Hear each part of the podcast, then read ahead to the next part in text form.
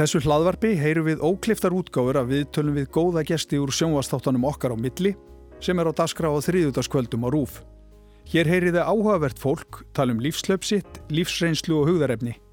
Og munum, fólk þarf ekki að vera frækt til að vera áhugavert. Ég heiti Sigmar Guimundsson og þetta er okkar á milli. Viðmælandi minn í kvöld hefur alla tíð skrifað á sami tónlist en að undarfötni hefur hann gert á öðrum forsendum en áður. Listin er eitt öflugasta vopnið sem hann á í baráttu sinni gegn Parkinson sjúkdónum sem hann greindist með fyrir um tveimur árum. En svo skiptir líka miklu máli að vera lífsglæður og hafa húmor fyrir sjúkdónum þótt hann sé graf alvarlegur og ekki er heldur verra að hafa sett tappan í flöskuna með tilheyrandi úrvinnslu í sálatetrinu. Bjarni Hafþór Helgarsson ætlar að segja okkur frá þessu öllu næsta hálftíman eða svo. Bjarni Hafþór, verður velkomið til mín. Takk fyrir. Gaman að fá þig. Hvernig hefur það í dag?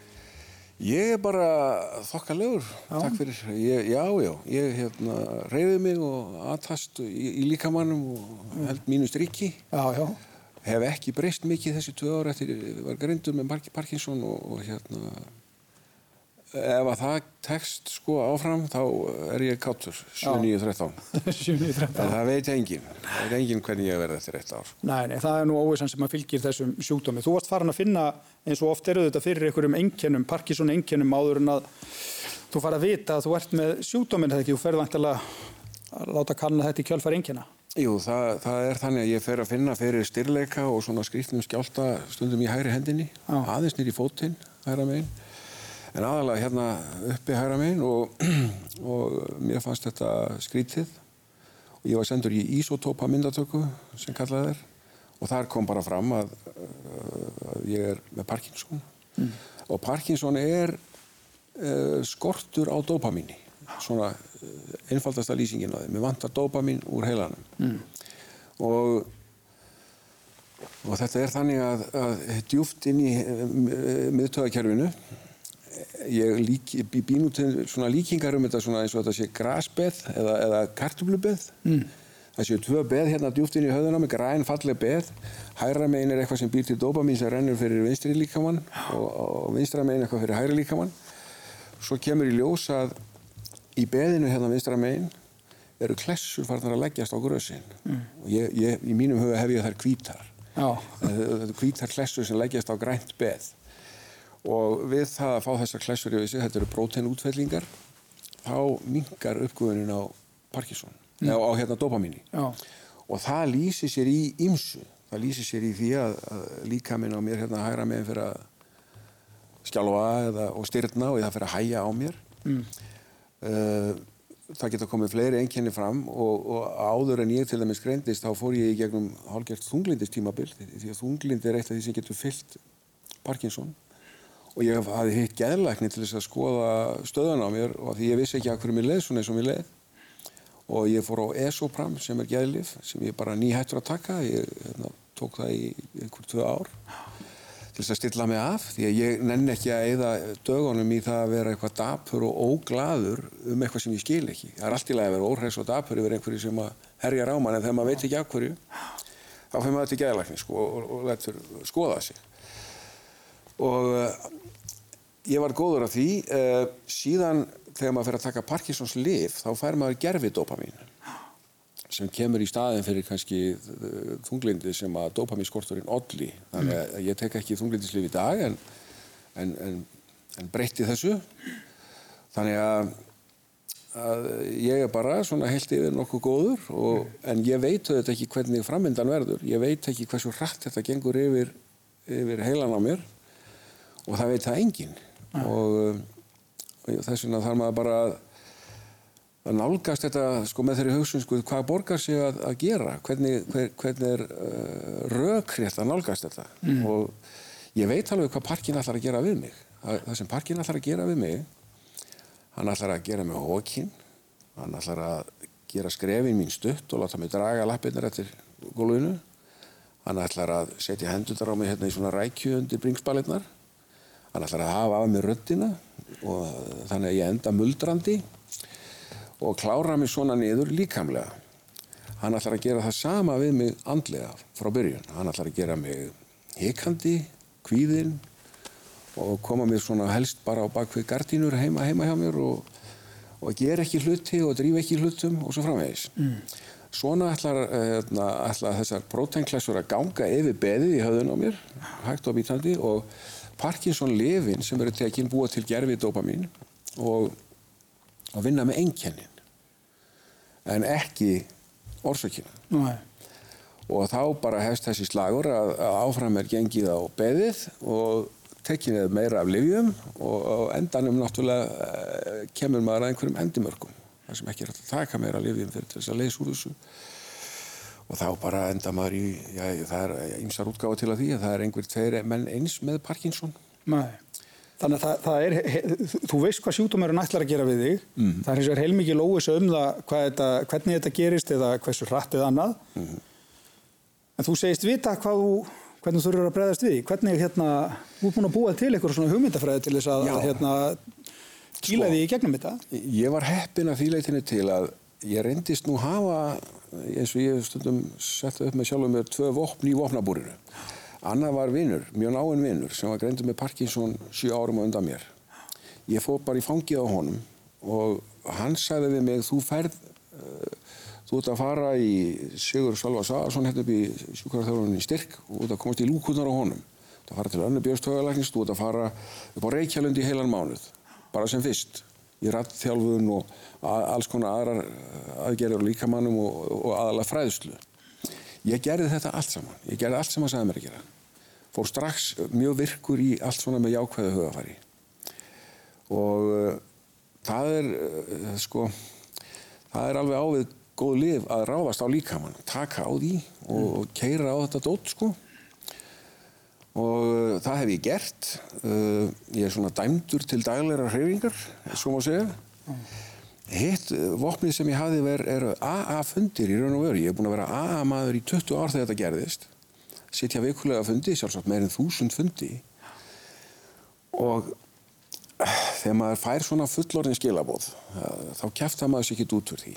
Þú ert með Parkinson og þú hérna, leysir það ekkit með einhverjum frösum. Þú setur bara frammi fyrir einhverjum einhverju ógn sem að þú veist ekkert hvert fer með þig. Og þá einhvern veginn lendi ég strax í þessum þangagangjum að hérna, þetta er eitthvað sem ég get ekki breytt. Og ég þarf bara öðlast eitthvað svona aðruleysi gagvað tí ég get ekki breytt þessu og það er staðan. En ég get breytt einhverju. Ég get unni með eitthvað. Og hvað er það? Og ég næja sko setja mig kjark til að breyta því sem ég get breytt og unni með. Og ég satt, hef vitt til að greina þarna meili og, og einhvern veginn eins og hugafarslega eh, var ég þjálfaður þó að það væri mikið sjokk að fóta maður fengið alltaf kallt vatnið baki og allt það. Þá var ég einhvern veginn eins og þjálfaður til þess að breyða svona við þessu. Að tólsporafræðin hjálpa þér þarna? Já, bara alveg augljóslega. Og þannig að ég fer strax í þessa vekkferð ráðast á líkamann á mér. Og Það er til dæmis bara að gera miklar æfingar. Ég er þrísvar í viku í fótbólta til dæmis, mm. í hádeginu með Lunch United þannig að ég er á grasirinu í Lögardal og ég tilkynnti þeim það að ég væri með skipunum það núna og hann er Reykjavílundi að hlaupa miklu meirinn ég hef gert hinga til. Þannig að ef þau sæju leikmann á óskiljanlegum hlaupum upp á niður kantinn bóltalauðsa þá eru þeir að taka því mjög vel því það væri og hann er Reykjavílundi sko. Þeir hafa tekið því mjög vel. Ef ég er bara á einhverjum ferðalöfum sem engi skilur þá horfaði bara eftir mér og Þetta er ofan að Reykjavílundi núna, við skulum bara vera rólegist okkar. Gerist það oft? Já, það kemur þetta alltaf fyrir því að ég, ég er að keira á lungun í mér, bara ráðast á þetta og þennja þau og pína þau og, og það vil parkin ekki. Parkin vil að ég taki þetta allt nýður og ertu rólegur, ekki vera, við skulum vera heima og gera ekki neitt, sko. En, en ég ræðist á þetta svona, það fer tveisar í viku upp í styrk uh, í sjúkrarþjálfun og það er tekið rosalega á því. Svo reynir ég að synda, vikulega að ganga Þetta er líkamlega hliðin á þessu. Svo er andlega hliðin og þar, þar hef ég þurft að breyta, sko, ég hef samið til dæmis tónlist alla mína æfi, það hefur bara fyllt mér, en ég hef aldrei þurft að lifa af tónlist. Ég hef ekki, og eða skrifum eða neinu slíku, ég, ég hef mentaði viðskiptafræðingur og fór bara þá leið og bara lifa með minni fjölskyldu og átt mjög gott líf. En, eh, en ég er ekki eins og aðri tónlistamenn sem að þurfa að lifa að þessu, þurfa að gera myndbönd, halda tónleika og berjast áfram. Ég þarf ekki að gera neitt af þessu tægi. Þannig að ég hef bara notið þess að gera svona uh, til liðar og haft bara ánægi af því og gleði. Það er indi. Mm. Núna allt í hennu nálgast ég þetta öðruvísi. Uh, ég á ekki að gera neitt helst, sko, svona. Ekkert fara út fyrir ramman og ekkert að uh, hérna, stilla mér upp í neitt. Og þá, þegar ég, eftir ég greintist með Parkinson, þá fór ég að að skrifa bók. Ég var byrjar að skrifa svona, svona aðeins smásögur, mm. setti mér í það ég var hann stífur hérna og var í brasja herra megin með tölvuna. Nú keirum við á að skrifa bókina og ég skrifa smásögur, bók sem heiti Tími til að tengja. Já. Kom út fyrir einu og hálf ári síðan og, og með snarklikkuðum smásögum. Það er örgulega ekki fyrir hvita menn að lesa þær eða. Mm. En það sem ég gerði sem er kannski meira mála, ég las hana allar inn á Storytel, bókina sjálfur. Mm. Og uh, rattþjálfari minn upp á Reykjavlundi gaf mig tíu fyrir að gera það. Ekki fyrir lesturinn sem slíkan, ég veit ekki hvort hún er búin að heyra það. En bara að að gera þetta við röddina og ég á að gera rattæfingar Til þess að sjúkdómur er síður ekki röddina? Já, Já. ég á að henda svona niður í muldrandi sko. en ég reyna að halda upp í hökunni og tala og gera og segja og ég er eins lengur í þeirri stöðu með músíkina sko, í sjálfu sér og allt sem því viðkemur að það var til dæmis að koma út lag bara núna á Spotify sem að Margaret Eyre syngur með mér mm. lag sem ég gerði við texta eftir annar mann og setja ég var að setja þetta inn á Spotify og það er það er bara gott mál fyrir mig sko að gera þetta og ég meina hún er professional söngvar og henni finnst ég ekki verra en svo hún syngur þetta með mér mm. og ég Ég til dæmis reyðist í núna starðaverkefni eh, sem er málverkasýning. Ég er ekki málari en það, ég veit ekki hvernig rammi lit út eftir að ég færi mán höndum en, en við, við, ég, ég fór í verkefni til, að, til styrta Parkinson samtökunum að ég valdi tólflög úr heldarverki minnar tónlistar sem kom út fyrir 2-3 ára síðan. Það heiti Fuglar Hugans, mm. 75 laga pakki sem var tekin upp í Danmark og Íslandi og gríðarlega stór og var 1,5 ári í vinslu og Ég valdi tól lög þarna úr, fekk málara sem heitir Yngvar Þór Gilvason, mikill snillingur, til að mála eitt málverk við hvert verk, hvert lag. Svo er kvimitagerða maður að gera myndband við hvert lag og málverk, það sem að kemur fram hvernig málverk hjöru til.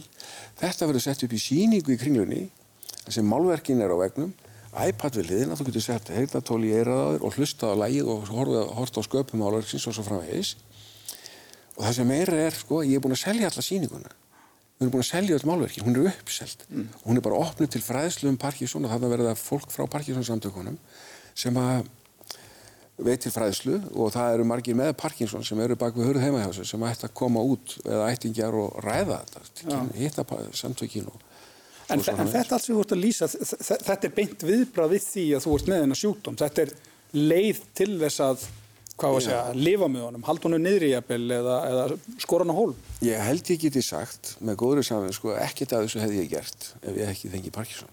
Já, það er bara svo leiðis. Það er bara þannig, ég, og það er til dæmis eitt sem ég er alveg að hugsa um ég fæ nú strax bara skjált af að hugsa um það, sko, sem að, það er álag. Það hefur verið sagt við mig oftar en einu sinni, herðu, Bjarni Hafþór, nú ferð þú bara på svið og segja gamansögur bara af sjálfu þér og fjölskylduninu og liðinu af því að vini mín þekkja þessar sögur og hefum sagt þetta í gegnum árin og fundist þetta 50 sjálfum. Mm. og verður bara með 50 manns fram að þið eða 20 eða 100 eða ég veit ekki hvað það er og, og segðu sögur. Klukkutíma einn og hálfan. Þú fara að leggja fyrir því stand-up? Já, eitthvað svona, ekki kannski klassi stand-up ég, ég, ég veit, veit ekki um það en eitthvað svona öðruvísi. Og ég veit ekki hvort ég gerir þetta nokkuð tíman Þa, það, er, það er ekki máli, heldur tilhugsunum um það vekur í mig spenn og stress vegna þess að þetta er, þetta er alltaf óhugulegt að gera þetta sko. Sitja fram með svo hlæðir engin að söguninu nema þú sjálf þú veist engum gaman að þessu. En, gerir, en ég gerir þetta samt sko af yrði. Og þetta er árás á hug, huglæga ástand. Þetta er árás á kerfið og að því leytinu gott. Sitja stressaður og sveittur eitthvað staðar og láta sig hafa það og keira svona áfram. Þetta vil parkin ekki að ég geri. Hann vil að ég sé bara heima og geri sem minnst og svo framvegs og það eh, eins og komst aðeins hérna inn á áðan það, það eru margir einmitt sem að sem eru með Parkinson sem að fara þá leið kannski bara eðlilega því að það er eðlis útónsins að kila fólk svolítið niður og, og hérna loka það inni já. veistu, veistu til þess að það sé algengt? Já, það er fólk, sko auðvitað þegar maður fá þessa greiningu það eru margir sem hafa fengið algjört áfall og bara lagst í þunglindi og ég veit dæmið þessum konu sem starfaði sem, sem í hjúgrunn sko, sem fekk þessa greiningu. Og hún brotnaði hann í nýður að fjölskyldan vakta hana í 3-4 mánuði sko. það er uh, af því menn veit ekkert hvað gerist. Ég veit ekkert hvað verður um mig. Mm. uh, en uh, en þá, þá, þá, þá beiti maður bara vennilegri raukheikju málið er að ég get ekki selgt mér svona poljönu setningar þetta er, þetta er alltaf alvarlegt til þess. Ég get ekki sagt, sko við sjálf á mig nú ætla ég bara að vera hress í dag maður og ekki, ég þarf að hugsa þetta dýpra og lengra. Og þegar ég rauk, þegar maður beitir raukum um þetta þá endar maður nefnilega jákvæður. Það er bara þannig að raukhyggjan gerir skilur mann í jákvæðri niðurstöðu því að því að hún segir mér uh, fyrstulega hvað borgar sig að gera. Ég er lentur í þessari stöðu og ég þarf að finna réttu leðina til þess að vinna á mótið þessu. Það er staðrind að, að líkamsrækt og árás bara lí, líkamlega og andlega á, á mann sjálf og hann hún verðist tefja framgangin mm -hmm. það er eins og þetta uh, hafa einhver áhrif eins og liv að, mikil hreyfing verðist gera þetta mikla gang síðan þarf maður að hugsa um um fylgjast með til dæmis rannsóknum. Hvað er að gerast í þessu? Mm. og þegar maður fer að huglega það þá kemur í ljósa að það er æði mikið að gerast. Þó að uh, sko engin bein framþróun hafi orðið sístu 2-3 áratvíina í meðferð altså Parkinsons livjana eða að þeirra með livja sem eru gerð sem er vinnað með engjannin þá er núna talið að á um 140 stöðum í heiminum sé verið að vinna rannsóknum á Parkinson um þriðjungurinn er, er að vinna með orsakirnar hérna uppi inn í beðinu og, mm. og, og prótenúþælingunum tveir þriðju með afleiðingarnar og, og að bæta úr því bæta lifin sem hafa vinna með það. Gott og vel. Í George Washington University er verið að vinna tilræður með krabbamesslif sem að kvítblæðislif það sem kom í ljósa fólk sem var bæði með kvítblæði og Parkinson að framvindan á Parkinsonunum verði stöðvast þegar kvítblæðisliðu var tekið. Þannig að nú er búið að taka tvo fasa af því með, með fólki sem er bara með Parkinson að láta að taka mm. þetta krabbaminnslið. Svo veit ég ekki hvort þið farið í þriðja fasan en þetta verðist um, hafa áhrif á marga eins og þetta fari inn fyrir blóð heila þröskuldin hérna sem er mjög erfiður að fara í gegnum og inn í miðtöðakjörfið kannski er eitthvað að sleppa það inn og gera eitthvað að mögulega lækna. Já, mögulega stöðva framvindu uh, þessara, þessara próteinútvellinga og kannski taka þér eitthvað tilbaka, ég veit það ekki. Þetta er eitt sem er raunverulega í gangi og hefur raunverulega sínt sig að hafa áhrif á Ísa mm. Annað, það, er, það heitir Harvard Medical School minnum í Boston. Þar er bara núna þessa dagana verið að fara með sex einstaklinga í stoppfrömu meðferð og, og stoppfrömmu meðferðir eins og þessar eru þannig í dag að, að, að þetta er bara dæmi um það hvernig þróunin er í þessu. Ef ég væri að fara í þessa meðferð núna þá taka þér úr með blóð og þeir vinna stoppfrömmu úr blóðinu úr mér mm. og þegar þessi stoppfrömma er orðin klár eða þessi stoppfrömmur þá þarf að kenna þeim hvernig stoppfrömmur þar eru og þessum stoppfrömmum er þið kent að vera dopamin myndandi og þegar búið er að koma því til skila þá þarf að koma þeim hérna inn djúft inn í gegnum blóðheila þröskuldin og inn í beðið mm. og þá hefst bara á ný framlegsla á dopaminni á sínu rétta stað mm. og hugsanlega gera þess að stoppfram með aðgera það verkum að menn bara læknast skilur við og all, öll einnkjænin hverfa og allt gengur tilbaka mm. nú er ég ekki að segja að þetta sé að gerast í dagaða morgun en þegar maður liggur aðeins yfir þessu verður að skoða þetta þá allt í henni gerir maður sér ljóst að lækningu Parkinson finnst og það er örugt uh, þetta er blæbriðin mörg þannig að það er ekki, það er ekki ljóst sko, hvað hendar hverjum og hvort þetta gerist eftir 30 ár eða í haust ég er ekki hugmyndum það. En ég ætla að koma mér í það form og vera það frískur og sterkbyður svona andlega og líkamlega að ég sé á rétta staðinum og besta mínum, mínum besta mögulega stað þegar lækningi kemur mm -hmm. ekki ef hún kemur heldur þegar Já. og ég nálgast þetta allt svona og síðan síðan það maður að hafa húmórin með í þessu reyna það að til dæmis eitt af því sem fylgir Parkinson og menn vita kannski ekki mikið um það eins og þunglindi, septurblanir mm -hmm. og eins og svona hluti sem að liggja ekkert á yfirborðinu. Við, þú veist, við verum að nefna þetta með skjáltan, þú nefndir þetta með þunglindið og við Já. sjáum alveg að hendurnar aðeins skjálfa og svona. Ertu, ertu með fleiri enginni? Já, það er, til dæmis, tröflun á þvæglátum, mm. að pissa, það er, það er skemmtilegt mál. Það það er þannig að sko maður þarf að pissa, maður kemur heim og maður er að koma heim úr búðinni eða eitthvað og, og, og, og þá þarf maður að pissa og þá bara svona það heldur maður þessi í sér og meðan maður leggur frá sér eitthvað fyrir jakkan og svo fyrir maður að pissa allt í góðu ég get ekki treyst þessu lengur. Það er að segja, oftast er þetta allt í lagi. Ef ég er í sprenga að pissa með þá, og ég er haldið í mér en það getur gerst allt í hennu að lokan gefa eftir. Og ég hef þresa fjóru sem lendið að pissa á mig ekki, ekki mikið, bara svona smá. Mm. Og þetta gerir það verkum að í dag ef ég held ég þurfa að pissa þá fer ég alltaf að pissa strax, bara til öryggis. Mm. þannig ég lendiði sjaldan í svona stöðu. En einu sinni var ég að koma heim og ég, ég með tvo bónuspoka alveg svona góðir tveir þriði í þeim báðum. Kem að legg bílum út úr bílum, tek pokana skelli aftur og læsi bílum heima hörðinni tek, og ah, ég þarf að pissa nú þarf ég alveg að koni spreng sko. Með pokana og tek í hérna Urðarhúnin hafa læst. Og ég áttið eitthvað ann, að læst. Og hvað er líkillin, bílíkillin og hvort er hann hérna með henni henni með og er að byrja að bjástra við þetta í hvorum vasanum hann sé þegar ég pissa á mig. Og byrja að pissa á mig. Og alveg hömlu laust nú kom engin bremsa og ég pissaði svona rosalega á mig niður báða skálmar og það var svona agalega gott. Þetta var svona gott vond. Þetta var svona gott vond og ég var, mér leiði svo að ég væri fjörara stóð svona vímu. Oh my god, wow og svona agalega notalegt að pissa með bónuspokkana þarna en það var bannað. Og þetta var sambland af svona alliða sælu sem ég er að klára þetta þá opna stilnar stendur ynga þar inni. Hvað er að sé hvað, hvað er að sjá þeim að ertu svona pissublötur og þá svara ég henni og ég veit ekki enþá akkur ég svara eins og ég svaraði því að þetta er eins og bara þegar maður er staðin að verki í fjör ára og reynir að koma sér út fyrir einhverju stöðu. Ég segi bara við hann með pokana já sko ég pissaði á mig þegar ég fór að heima náðan í bílnum ég nefnt ekki að snúa við og ég er búin að vera bæðinir í kringil og bónus. Hún horfir á mig láttu mig hafa pokana teku pokana af mér segir svo við mig með svona passlega þótt að þú ert ekki að fara svona pissublautur um allan bæ. Sett þetta í óhrennatöðu að fara í sturtu.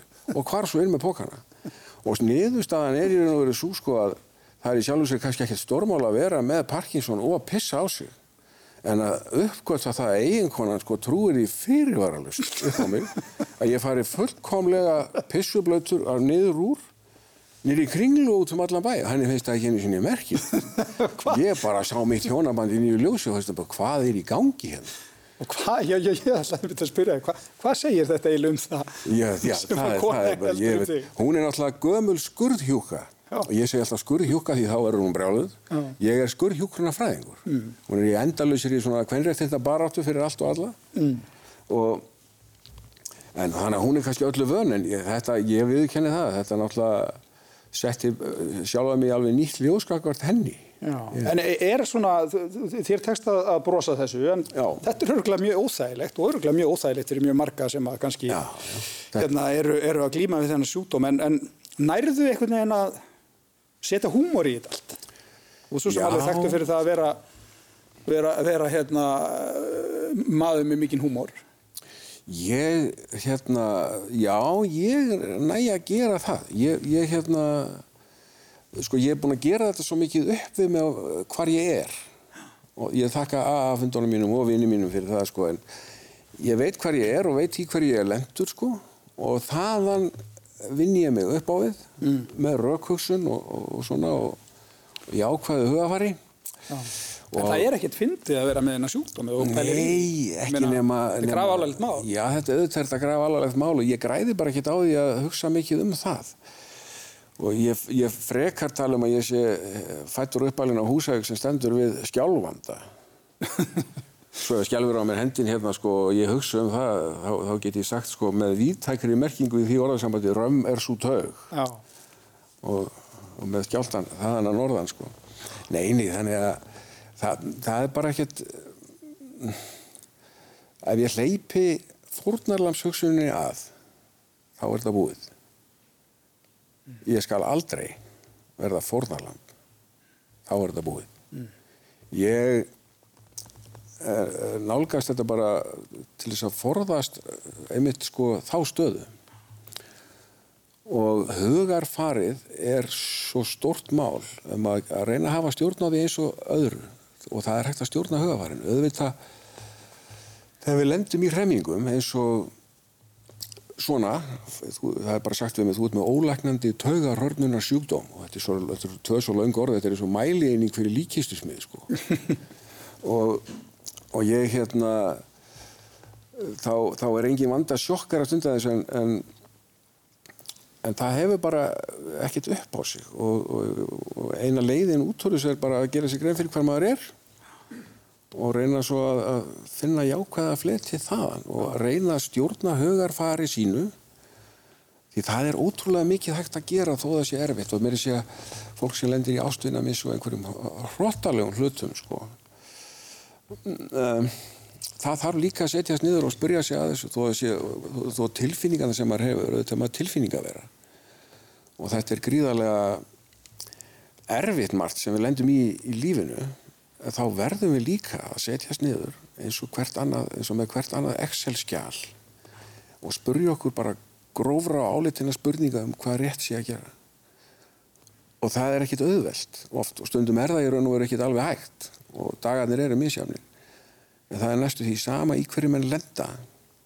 Menn þurfa að setjast niður svona að reyna bara að rekna sig áfram út úr stöðinni vera ekki fórnalamp mm. og finna leiðirnar sem að eru hérna, farsælar. En þetta, þetta eru við tilfinningar tilfinningar eru oft erfiðar sko, að berjast við og en þetta er hægt að gera í ótrúlega mörgum tilvægum Hvernig finnst þér svona fólk í, í kringu þig hafa, hafa tekið þessu öllu saman og hérna það þarf auðvitað að læra á þetta eins og, eins og, eins og þú.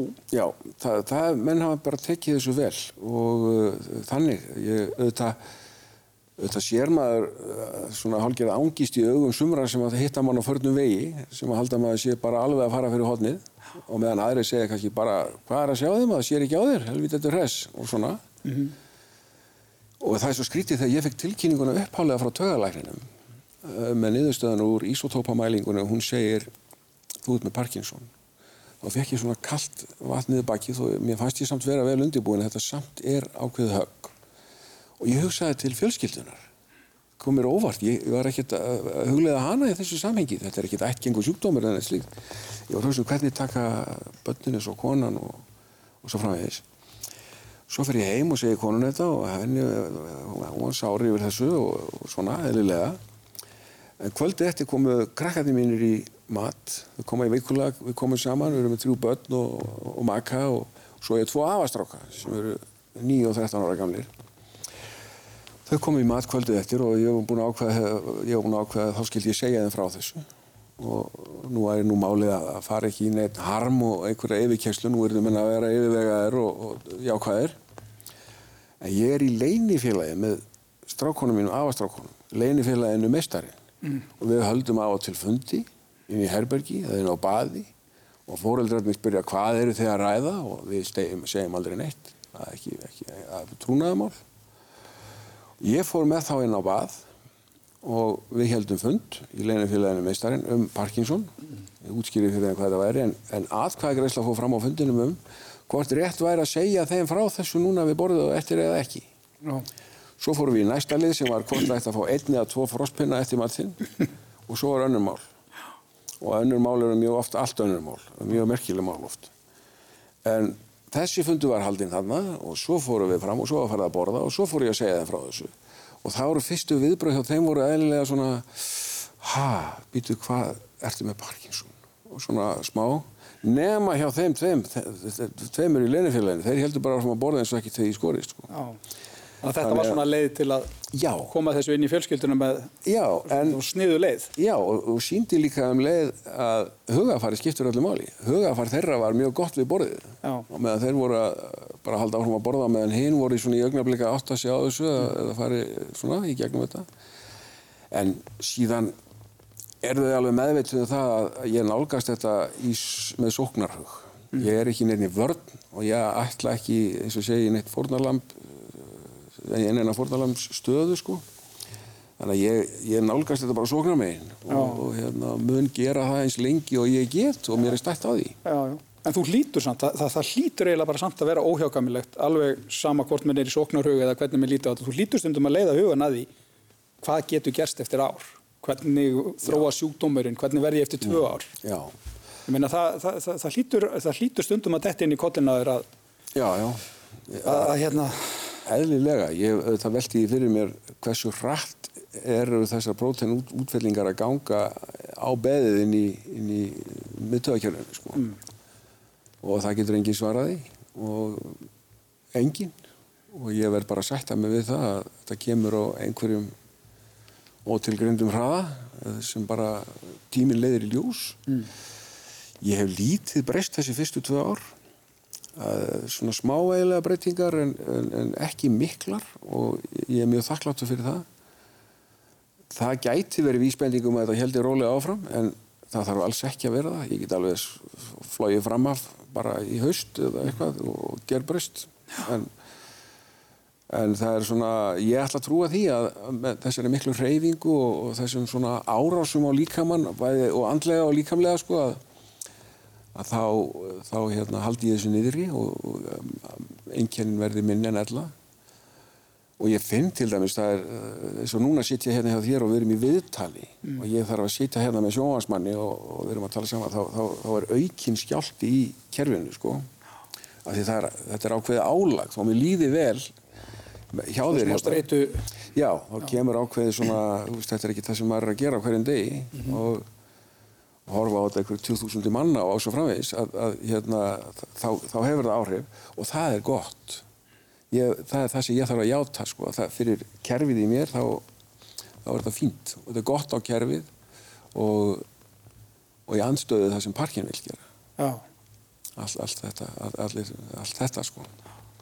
Þú ert bara að ráðast á hann. Já, ég í, ó, já, ég er í orustu við parkan og, og hérna, ætla ekki að tapa þeirri orustu ég var að spjalla við Egil Sverrisson hérna fótbolltamann, við vorum að ræða saman félagarnir aðeins og, og uh, ég var að segja við hann það er svo merkilegt með atvinnumenn í fótbollta það er einhver maður sem er búin að vera atvinnumar í fótbollta í mörg ár og hann á flott tímabill svo er næsta tímabill og eftir þá er þetta sami maður í sama liði sama skrokk, sömu tækni og það er allt ómöðulegt það gengur ekkert upp hjá hann skorar engin mörg og svo eins og við vorum að ræða einmitt hvað mann getur orðið eins og kallað er hauslausir.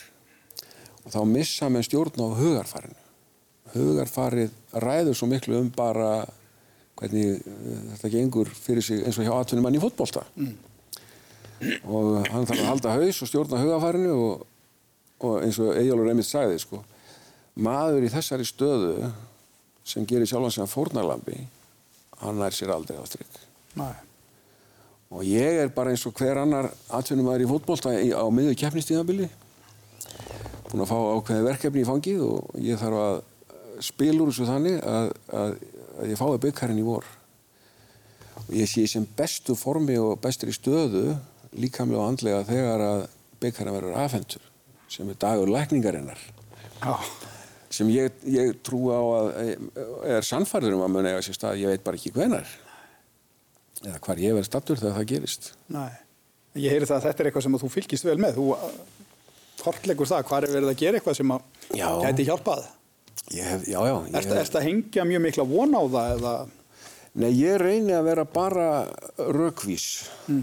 og við erum nokkur sem erum hittust á æfingum upp í styrk sko, og það er, er Facebooka síða sem heitir hvað heitur hún, taugalífræði pælingar eða eitthvað svolítið mm. og það er einn mjög duglegur að setja þar efni inn og, og það er bara af ímsu sem er að gerast það er alltaf flegi ferði í kringum þetta mm -hmm. og, og enda eftir talsverð að slæjast. Sérst, Parkinson er, uh, það er kannski 0,3% mannkins með Parkinson. Það, það þýðir að það eru yfir þúsund Íslandíkar með Parkinson. Uh, Alzheimer er en erfiðari sjúkdómur og miklu dýrari, því það, það er bara maður og mann þar sko. Mm -hmm. Þannig að, og það er að sömu leiti svipað, svipuð orsök, það er að segja að það eru svona próteinútvellingar á einhverja tauga enda. Við þekkið það minna. Þannig að það að komast inn á þessi svæði og, og hérna og leysa þessi vandamál, það er ekki spurning um hvort heldur hvenar mm. og og líka tímin við, við erum núna að tala um bóluefni varandi COVID og allt það sem tók stuttan tíma að búa til og margar tegundir til að því.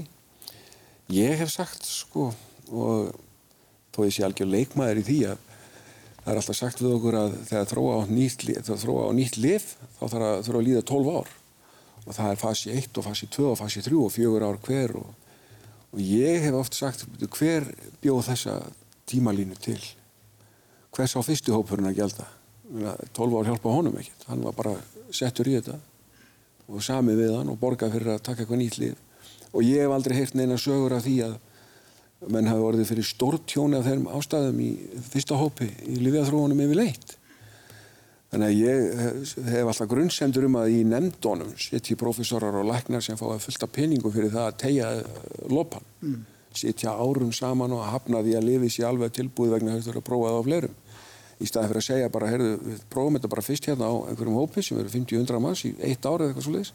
Svo tökum við bara 5.000 manns, þau bara ráðaði hvort þið taka þessu áhættu fá greitt fyrir það þess vegna og hættum að eða þessum 10-12 árum í lífið að þróa niður leitt en það veit ég að margir sérfræðingar sem við þessu fuss og sveia við svona tali en ég held á móti að það sé víða verið að tegja lopan langt um frá það sem þarf sko. já, já. og ef einhverjir algjörir sérfræðingar og nördar á livjasviði sko, þá hefur ráðið öllum bóluefni við COVID sko, þá er ekki víst að það er um einn bóluefni í dag Nei, nei það verðist að mista kosti stundu verið hægt að, að flýta þessu enda svo sem líkur mikið við og þetta er eitthvað sem að mannkynni allt þarf að, þarf að fá hérna Uh, ég ætlaði nú að tala við um margt fleira, það er bara tíminn er svolítið hlaupin frá okkur, mér langaði svolítið að tala um tíma til dæmis þegar þú varst stór stjarnar í íslensku sjónvarpi hér fyrir einhverjum áratöfu, var það ekki bara miðið síðust öll? Nei, það var, það var frá 1986 til 1996, þá var ég í sjónvarpi, mest á stöð 2 og bylgjunni og mm. í, en, en, en hérna, það var frábær tími, virkilega gaman. Og þá var þetta þannig að það voru bara tvær sjónvarstöðar það var ekkert internet það horfðu 100.000 manns á fréttatímana og maður var alveg heimsfrægur í framann alveg um leið Já. svo segi ég krökkunum mínum og strákkunum af og til frá því svona hvað ég hafi verið óbóðslega frægur sko. ég hafi verið svo frægur að það bara vissu allir hver ég var sko, bara um all og þeim finnst þetta svo hallaríslegt sko. bara hættu þessu talið út svo, svo hallaríslegt er ekki einu sinni fyndið tala um hvað þú sjálfur hafi verið frægur sko, lekur rauðu litur niður andlið til það sko. og ég er alltaf með þetta eitthvað. En uh, þetta var bara mjög skemmtilegu tími og hérna já, og allt gott um það að segja. Ég, ég get veldi fyrir mér að fara aftur í sjóarp ég, hérna Já, þú varst að tala um að það, það getur nú kannski verið ráð til þess að augra sjúdónum aðeins. Já, það getur vel verið. Það er góð hugmynd. Það bara að setja upp einhverju hugmynd eða einhverju sjóastáttum og setja sér bara í, á skjáltavaktina bara hverju viku. á skjáltavaktina? Já, það, færi bara alltaf stað sko, undan álæginu. Það væri þið besta mál. Það verða til alls konar efni sem að keira mann upp og á móti, hérna, móti strömmnum. Já. Já, já. Neini, svo bara, eins og sé, ég er, er ánæður líka að vera að sinna tónlist, mm. sko Ég hef minn, minn mentor sko á, á Vænglum, Þórir Úlvarsson sem er útsettjari og mikill náinn vinnu minn og snillingur. Hann... Mm. Þetta er svolítið hérna, áhugavertið mitt hvernig listin fær svona nýjan tilgang eða Já.